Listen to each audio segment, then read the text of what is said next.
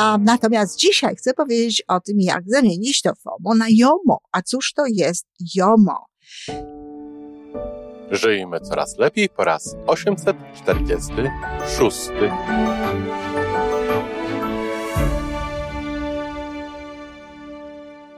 Witamy w miejscu, gdzie wiedza i doświadczenie łączą się z pozytywną energią. Nazywam się Iwona Majewska-Piołka.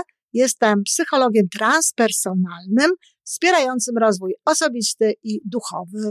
A ja nazywam się Tomek Kniat. Nie jestem psychologiem, jestem techniczny, jestem adeptem rozwoju osobistego, bardzo to lubię. Razem tworzymy podcast, właśnie ten, którego słuchanie powoduje, że naprawdę żyje się coraz lepiej. Wiemy to, bo tak nam mówią nasi słuchacze. Zapraszamy do wysłuchania kolejnego odcinka i mamy nadzieję, że nowe głosy dołączą do tych, że warto nas słuchać. Dzień dobry, kochani, we wtorek. E, dziś, e, jak widać z tytułu, zamień FOMO na JOMO. Mówiłam o FOMO w dwóch ostatnich odcinkach. FOMO, czyli Fear of Missing Out.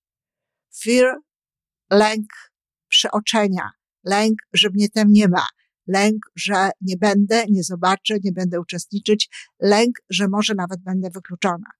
Mówimy o lęku, mówimy o działaniach w wypadku FOMO, które już są działaniami poniekąd, poniekąd oczywiście, bo nie można powiedzieć tego stanowczo, y, wymuszonymi. Lęk wymusza pewne działania. Lęk powoduje, że robimy różne rzeczy, chociaż tak naprawdę, jak się nad tym zastanowimy, to wcale tego nie chcemy, wcale byśmy tego nie zrobili.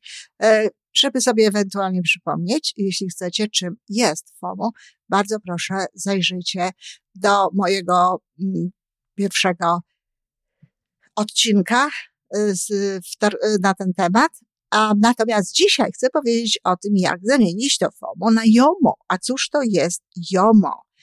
E, no właśnie, to jest zupełne przeciwieństwo e, tego lęku. To jest radość, joy, joy of missing out, czyli radość z tego, że mnie tam nie ma. Fajne? Dobrze brzmi? No i dziwnie trochę, prawda? Jak mogę się cieszyć z tego, że mnie tam nie ma? Generalnie, jak możemy się cieszyć z tego, że gdzieś nas nie ma? Jak może nam być dobrze z tego powodu? Wtedy, kiedy jesteśmy i żyjemy tu i teraz. Wtedy, kiedy już wyrobiliśmy w sobie w wystarczającym stopniu mindfulness, żeby umieć koncentrować się na tym, gdzie jesteśmy. I w zasadzie, jeśli ktoś potrafi żyć w taki sposób, nigdy nie ma takiej sytuacji, żeby mm, czuł się niedobrze, bo gdzieś go nie ma, bo gdzieś nie zaistniał, bo gdzieś go nie było. Czy to znaczy, że jeżeli ktoś żyje tu i teraz i potrafi żyć w taki sposób, to czy również nie ma FOMO? Zaryzykowałabym, zaryzykowałabym, bo nie znam badań i nie wiem, jak to jest do końca, ale zaryzykowałabym twierdzenie, że tak. Dlatego, że tacy ludzie żyją nieco inaczej. Tacy ludzie żyjący tu i teraz również nie zajmują się tak lękowo przyszłością, nie zajmują się w taki sposób e, budzący jakieś emocje niedobre, emocje negatywne tym, co się wydarzy, czy tym, co się nie wydarzy. No bo cóż, no, są zajęci przeżywaniem tego, co mają w tym momencie. Są zajęci doświadczaniem teraźniejszości. Więc sądzę, że tak, że tak jest, że nie mają tego lęku. Natomiast z całą pewnością osoby, które e, potrafią żyć tu i teraz, w ogóle nie przeżywają wyborów które ich nie zadowalają, które e, nie są no, tymi pierwszymi wyborami.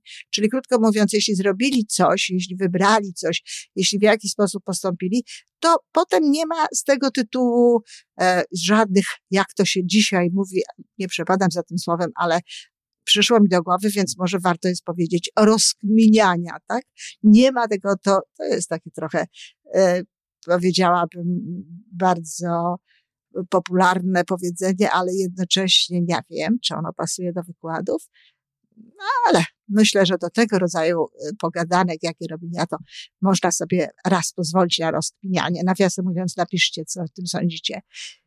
Osoba żyjąca tu i teraz nie zajmuje się takimi analizami, bo przecież jest, co, jest wiele rzeczy, na których się skupia w danym momencie, które robi.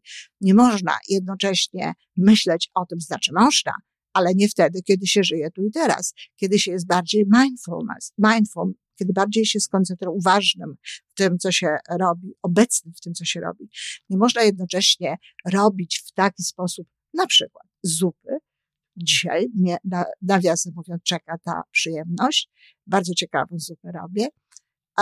I, I w tym samym momencie zastanawiać się, ojej, a może jednak trzeba było zrobić tak, a szkoda, że zrobiłam tak, to może byłyby lepsze korzyści z tego, a co oni teraz pomyślą, a jak to będzie. Nie zachowuje się w taki sposób taka osoba. W taki sposób zachowują się ci, którzy nie potrafią skupiać się na tym, co robią, właśnie w taki sposób uważny, którzy nie są obecni w tym, co są. E, także z jednej strony lekarstwem jest, no cóż, mindfulness, uważna obecność w życiu, czyli życie, krótko mówiąc, tu i teraz. Ta, to przeniesienie koncentracji na teraźniejszość, na zajmowanie się i uczestniczenie i bycie w pełni tym, w tym, co mamy w tym momencie. To jest jedna sprawa, ale żeby móc cieszyć się teraźniejszością, oczywiście to jest, to jest, to się przydaje, ale jeśli wprowadzimy do tej teraźniejszości takie rzeczy, które są dla nas ważne, takie zachowania, które lubimy, takie zachowania, w których jest nam dobrze, to tym bardziej nie będziemy mieli takiej potrzeby zajmowania się innymi rzeczami, potrzeby bycia gdzieś. No to dla przykładu, jeśli ktoś e, ma rodzinę, z którą czy w ogóle bliskie osoby, z którymi jest, e, e, mieszka na przykład, albo z których, których może odwiedzać, z którymi może się spotykać, no to jeśli te relacje są pełne, jeśli te relacje są wartościowe jeżeli robi się takie spotkanie przy herbatce, przy kieliszku wina i przy świecy, to z całą pewnością jest to coś, co ja nie chcę tutaj e, porównywać, co jest bardziej, co jest mniej wartościowe czy przyjemne, ale z całą pewnością jest to tak samo, powiedzmy, dobre jak bycie na jakiejś imprezie, na której są jakieś znane osoby i z którymi można byłoby sobie zrobić zdjęcie na Facebooka. Jeżeli ktoś lubi być sam ze sobą, lubi na przykład pisanie w pamiętniku, lubi czytać, lubi siedzieć w ciszy i zajmować się swoją duszą, medytować, kontemplować, czy nawet słuchać e, afirmacji. Jeśli ktoś potrafi zaangażować się pięknie w oglądanie jakiegoś filmu, czy przeglądanie albumów, czy przeglądanie zdjęć, kiedy jest zupełnie sam, kiedy nie ma innej osoby, w tym samym momencie na pewno jest mu przyjemniej, jest mu lepiej niż wtedy, gdyby no, był gdzieś na zewnątrz, gdzie być trzeba. A już na pewno to, co najczęściej właściwie związane jest z FOMO, czyli te lęki takie medialne, związane z mediami, że tutaj trzeba sprawdzić, kto dzwoni, e, kto dzwoni, przepraszam, tylko kto tam e, zrobił wpis, co się dzieje, e, żeby być na bieżąco, czy żeby być na jakimś kursie, poznać jakąś osobę, przeczytać jakieś rzeczy, na pewno te sprawy stają się mniej ważne, jeżeli ktoś potrafi sobie znajdować takie rzeczy, które naprawdę mają dla niego znaczenie. Ja miewam czasem klientów, którzy mają no, poważny problem z tym, żeby w ogóle oderwać się od tych mediów. Czy to jest FOMO? Pewnie w jakimś momencie mogło być FOMO.